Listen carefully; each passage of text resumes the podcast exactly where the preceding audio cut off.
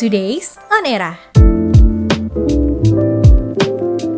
Halo Eramania, selamat datang kembali di Today's On Era bersama gue Alma. Eramania, kira-kira ada apa nih yang baru di tanggal 4 Januari 2022?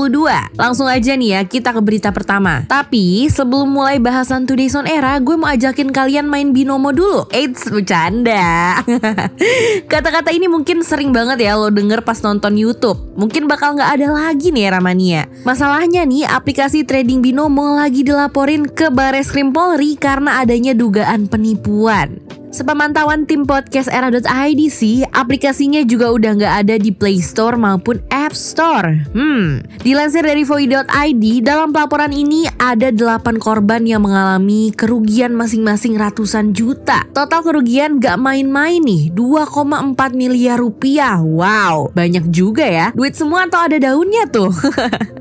Bahkan ya, kemungkinan kerugian bakal bertambah karena korbannya bisa aja bertambah. Gak cuman aplikasi Binomo aja nih yang dilaporin. Sejumlah afiliator sekaligus influencer yang turut mempromosikan platform trading ini juga ikut dilaporkan. Wah, siapa nih kira-kira influencer yang ikut dilaporin? Nah, kalau misalnya terbukti Binomo nipu, parah sih. Ya gimana ya, iklan di mana-mana, influencer yang iklan juga banyak. Korbannya pasti nggak sedikit kan? Tapi nih, ada kasus lain yang menurut gue juga parah nih, yakni pelatih futsal Bogor yang diduga melakukan pelecehan seksual seksual ke-64 anak didiknya. Wah, gila. Kasus ini mencuat usai para korban mengunggah aksi bejat pelaku berinisial G ke sosial media. Misalnya nih, akun Instagram @ganenxx.teja yang memperlihatkan tangkapan layar percakapan WhatsApp terkait dugaan pelecehan seksual kepada korbannya. Postingan itu memperlihatkan G yang menuliskan kata-kata tidak senonoh kepada anak asuhnya. Bahkan parahnya nih Ramania,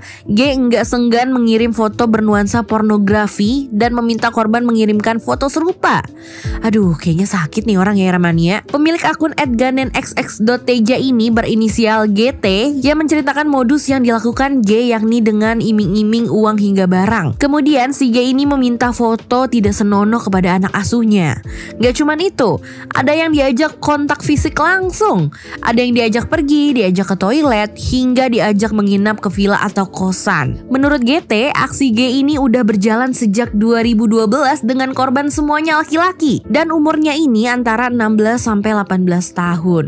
Hmm, kayaknya nih sekarang udah makin banyak kebongkar kasus-kasus pelecehan seksualnya. Bahkan yang akhirnya berani speak up di sosial media hingga viral. Kayaknya kejadian satu ini juga lagi sering viral nih Ramania. Wasit sepak bola Indonesia yang sering banget bikin blunder. Karena pada kesel sama wasit ini sampai pada spill kalau misalnya gaji wasit di Indonesia itu termasuk yang tertinggi di Asia Tenggara. Berapa nih Ramania? Mania, kira-kira gaji wasit Indonesia. Sepak bola Indonesia emang lagi sering jadi sorotan nih. Apalagi wasit di liga yang sering ngasih keputusan yang aneh-aneh gitu. Banyak banget kejadian yang jelas-jelas nggak offside, tapi kok ya dibilangnya offside. Hal-hal kayak gini yang bikin netizen suuzon jadinya nih Ramania. Apalagi masalah kayak match fixing masih jadi sorotan. Nah, tapi sebenarnya nih berapa sih gaji wasit di Liga 1 Indonesia? Siapa tahu karena dikit gajinya kan jadi bikin performa wasitnya nggak ya nggak oke-oke banget gitu ya. Ada satu akun Twitter bernama @mafiawasit baru aja ngespil gaji wasit Liga 1 nih. Kabarnya gaji wasit di Indonesia itu termasuk tinggi loh. Nih, era mania pasti kaget banget deh. Wasit utama digaji 10 juta rupiah. Asisten wasit digaji 7,5 juta rupiah. Sedangkan wasit cadangan digaji 5 juta rupiah. Bukan angka yang kecil kan ya Ramania? Bahkan nih tetangga kita negara Malaysia wasit utamanya cuma digaji 1,45 juta rupiah. Aduh, ini wasit Indonesia udah digaji mahal, kok masih sering blunder ya? Kira-kira salah siapa nih ya Ramania? Masa salah PSSI sih? Kan gak mungkin dong.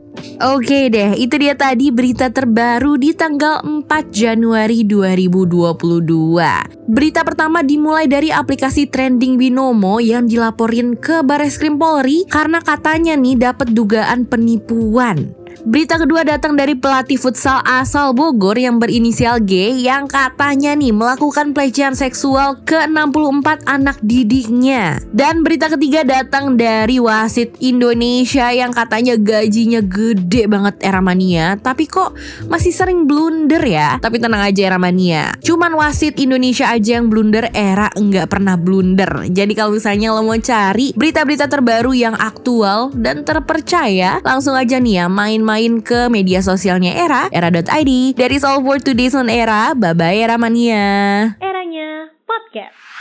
Now is the era.